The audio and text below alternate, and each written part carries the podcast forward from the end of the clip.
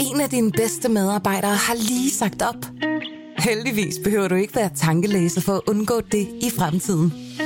WinningTemp indsamler data gennem hyppige og anonyme medarbejderundersøgelser, så du lettere kan mærke pulsen på dine medarbejdere og støtte der, hvor der er behov.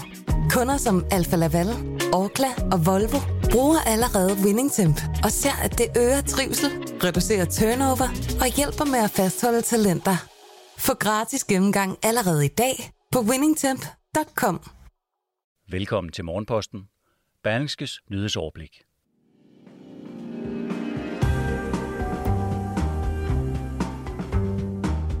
Mandag morgen er naturligvis også lige med en helt frisk udgave af Morgenposten. Godmorgen, det er den 22. november. Mit navn er Mette Melgaard. Forsvaret er forsinket med en række tiltag, blandt andet en planlagt oprustning. Frankrig vil have EU til at føje atomkraftenergi til EU's liste over enten bæredygtige energikilder eller lysegrønne overgangsteknologier. Og så viser en opgørelse, at næsten hver fjerde mindre virksomhed i EU med såkaldte ejendomsrettigheder har oplevet at få et produkt kopieret. Og ud af de 47 danske virksomheder, der indgår i undersøgelsen, svarer 38 procent, at de har oplevet at blive kopieret. Men mange tør ikke tage kampen.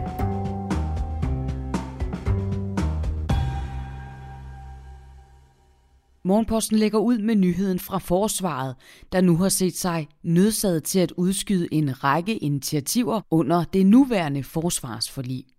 DR er nyheder skrev søndag om sagen, der blandt andet betyder, at oprettelsen af 350 nye stillinger i forsvaret enten er udskudt eller sat på pause, og at en planlagt oprustning er forsinket.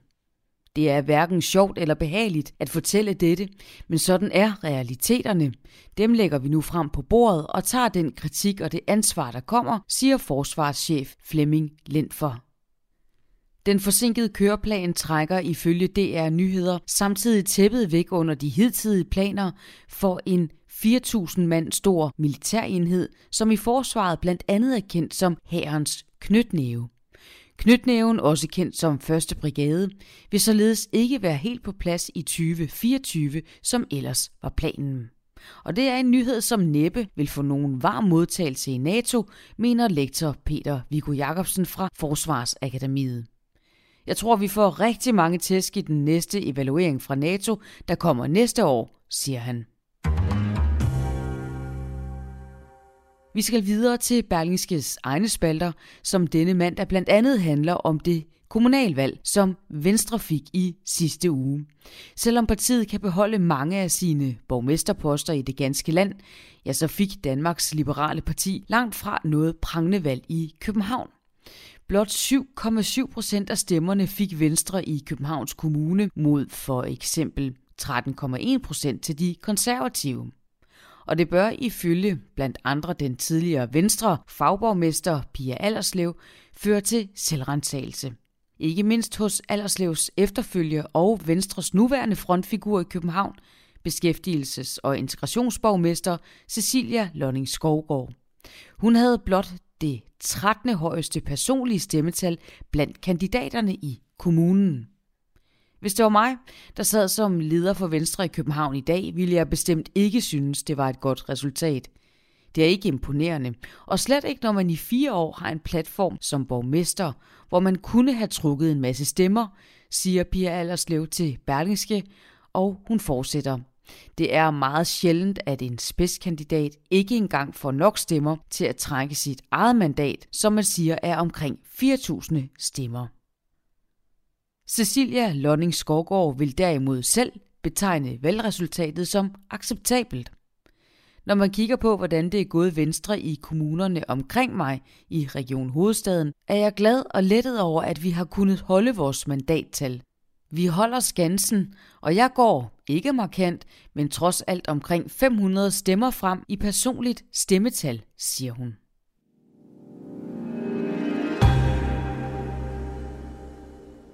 Et comeback er også blandt mandagens historie her i Morgenposten. Det er et comeback til atomkraftenergi i Europa, som Dagbladet Information skriver om. Således har Frankrigs præsident Emmanuel Macron begået lidt af en kovending og agter nu, modsat tidligere planer om en langsom udfasning, at udbygge atomkraftkapaciteten i landet med hele seks nye atomkraftværker. For første gang i årtier vil vi genstarte opførslen af atomreaktorer i vores land, lød det for nyligt fra Macron i en tale til nationen.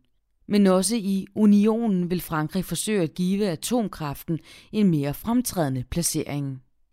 Frankrig vil nemlig have EU til at føje A-kraft til EU's liste over enten bæredygtige energikilder eller lysegrønne overgangsteknologier. Og den franske EU-kommissær Thierry Breton bedyrer over for information, at, citat, vi kan ikke lave den grønne omstilling i Green Deal uden at have atomkraft og gas som overgangsteknologi, citat slut. Dagens lydhistorie fra Berlingske handler om kopier og at blive kopieret. Bitstallerkener, nettopotter og regntøj fra Rains vækker måske allerede genklang, når det kommer til kopier.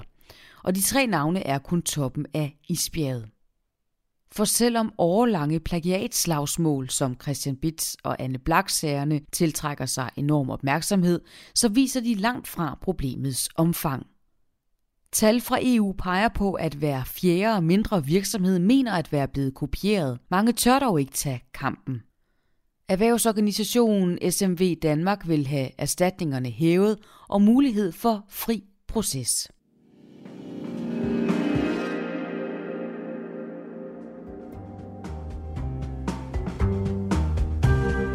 Da de to iværksættere, Barbara Bensten og Ida Krause, i 2017 stiftede den nordsjællandske virksomhed Norbæk, som designer og sælger eksklusive vinterbadekåber, oplevede de i lang tid at være alene på markedet med et unikt produkt. Men i midten af 2019 dukkede først én konkurrent op med en vinterbadekåbe, der i høj grad ligner Norbæks. Der var tale om en anden mindre virksomhed, og Norbæk valgte at lægge sagen for at forsøge at beskytte det, de mener er deres design – en dyr affære, som endte med delvis sejr. Norbæk fik ret i, at deres badekåbe var unik på designerpunktet, men da konkurrenten fra start havde lavet en lille designændring, fik de lov at fortsætte. Vi brugte flere hundredtusind kroner på en sag, som vi ikke rigtig fik noget ud af. Og så begyndte der hurtigt at komme flere og flere eksempler, hvor vi mener, at vi er blevet kopieret. I nogle tilfælde er store danske kæder, som har lavet en billig udgave, der lægger sig tæt op af vores, i andre tilfælde er store danske designerbrands, som vi mener har kopieret både vores styles, farvepaletter og prispunkt. Siger Barbara Bensten. Hun mener, at beskyttelse af dansk design og iværksætteri er alt for dårlig. Og oplevelsen fik Norbæk til at miste troen på, at de som en lille virksomhed med i alt tre ansatte reelt kan gøre noget, når de mener, at de er blevet kopieret. Slet ikke mod store aktører med hele juridiske afdelinger, vi har selv prøvet at køre en sag en gang, og vi har hørt for mange historier fra andre små, som har forsøgt sig, hvor det har kostet dem rigtig mange penge, uden at de har fået kopierne af markedet. Vi tror simpelthen ikke på det danske retssystem på det her område. Jeg kender flere andre, som har det på samme måde. Vi har ikke tid og råd til at køre sagerne, og vi tør faktisk heller ikke, siger Barbara Bensen. Norbæk er langt fra alene med synspunktet. Berlinske har således været i kontakt med flere mindre danske designvirksomheder, som også mener at være blevet kopieret af store aktører, men ikke tør køre sager. Tal fra, og hold nu fast, det europæiske observationscenter for krænkelser af intellektuelle ejendomsrettigheder, EU-IPO, viser, at 23,2 procent af virksomhederne i EU med færre end 250 ansatte og intellektuelle ejendomsrettigheder har oplevet at få sidstnævnte krænket. Kort sagt, de mener at være blevet kopieret mindst én gang. Blandt de øverste på listen ligger Danmark, hvor godt 38 procent af virksomhederne i undersøgelsen svarer, at de oplever at være blevet kopieret. Det skal dog tages med et grænsalt, da blot 47 danske virksomheder indgår i den store undersøgelse –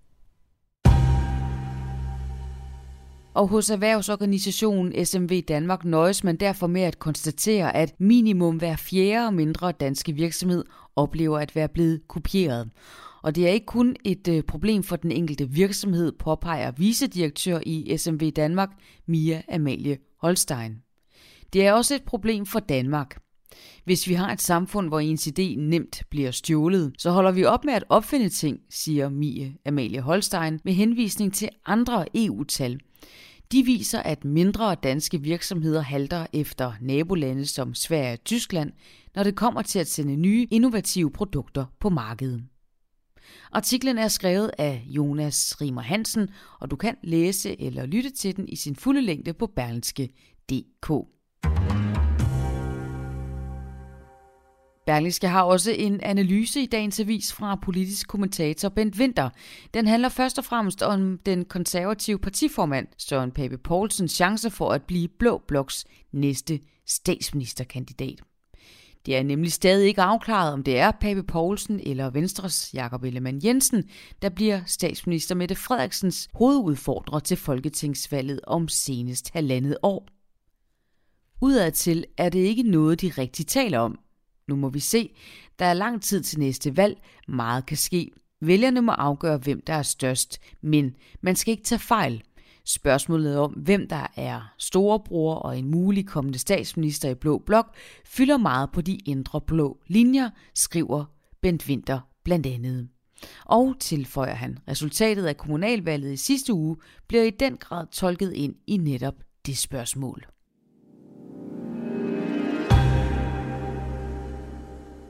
Berlingske Business skriver i dag om endnu en lille elbilproducent, der brager løs på børsen, og som nu tangerer Ford i børsværdi. Også selvom produktionen endnu er meget lille.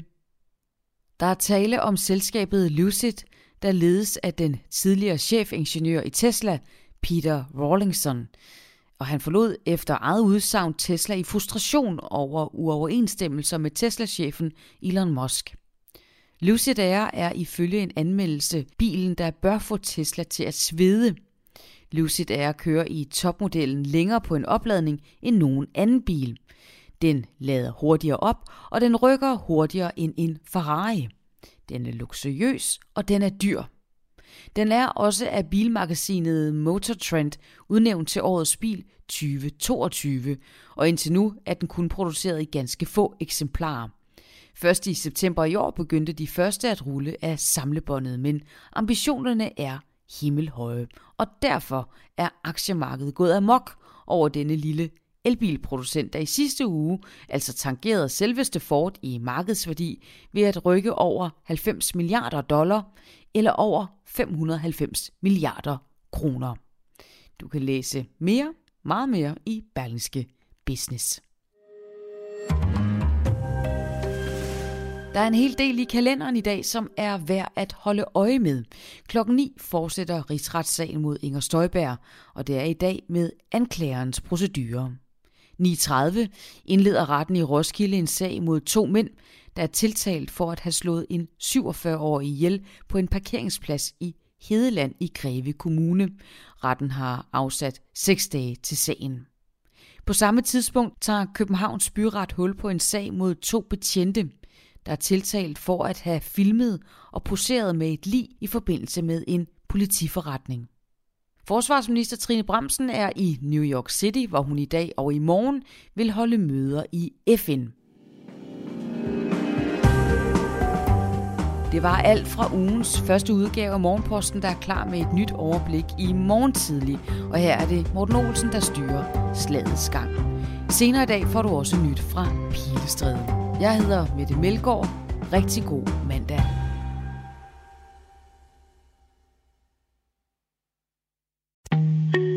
En af dine bedste medarbejdere har lige sagt op. Heldigvis behøver du ikke være tankelæser for at undgå det i fremtiden. WinningTemp indsamler data gennem hyppige og anonyme medarbejderundersøgelser, så du lettere kan mærke pulsen på dine medarbejdere og støtte der, hvor der er behov. Kunder som Alfa Laval, Orkla og Volvo bruger allerede WinningTemp og ser, at det øger trivsel, reducerer turnover og hjælper med at fastholde talenter. Få gratis gennemgang allerede i dag på winningtemp.com.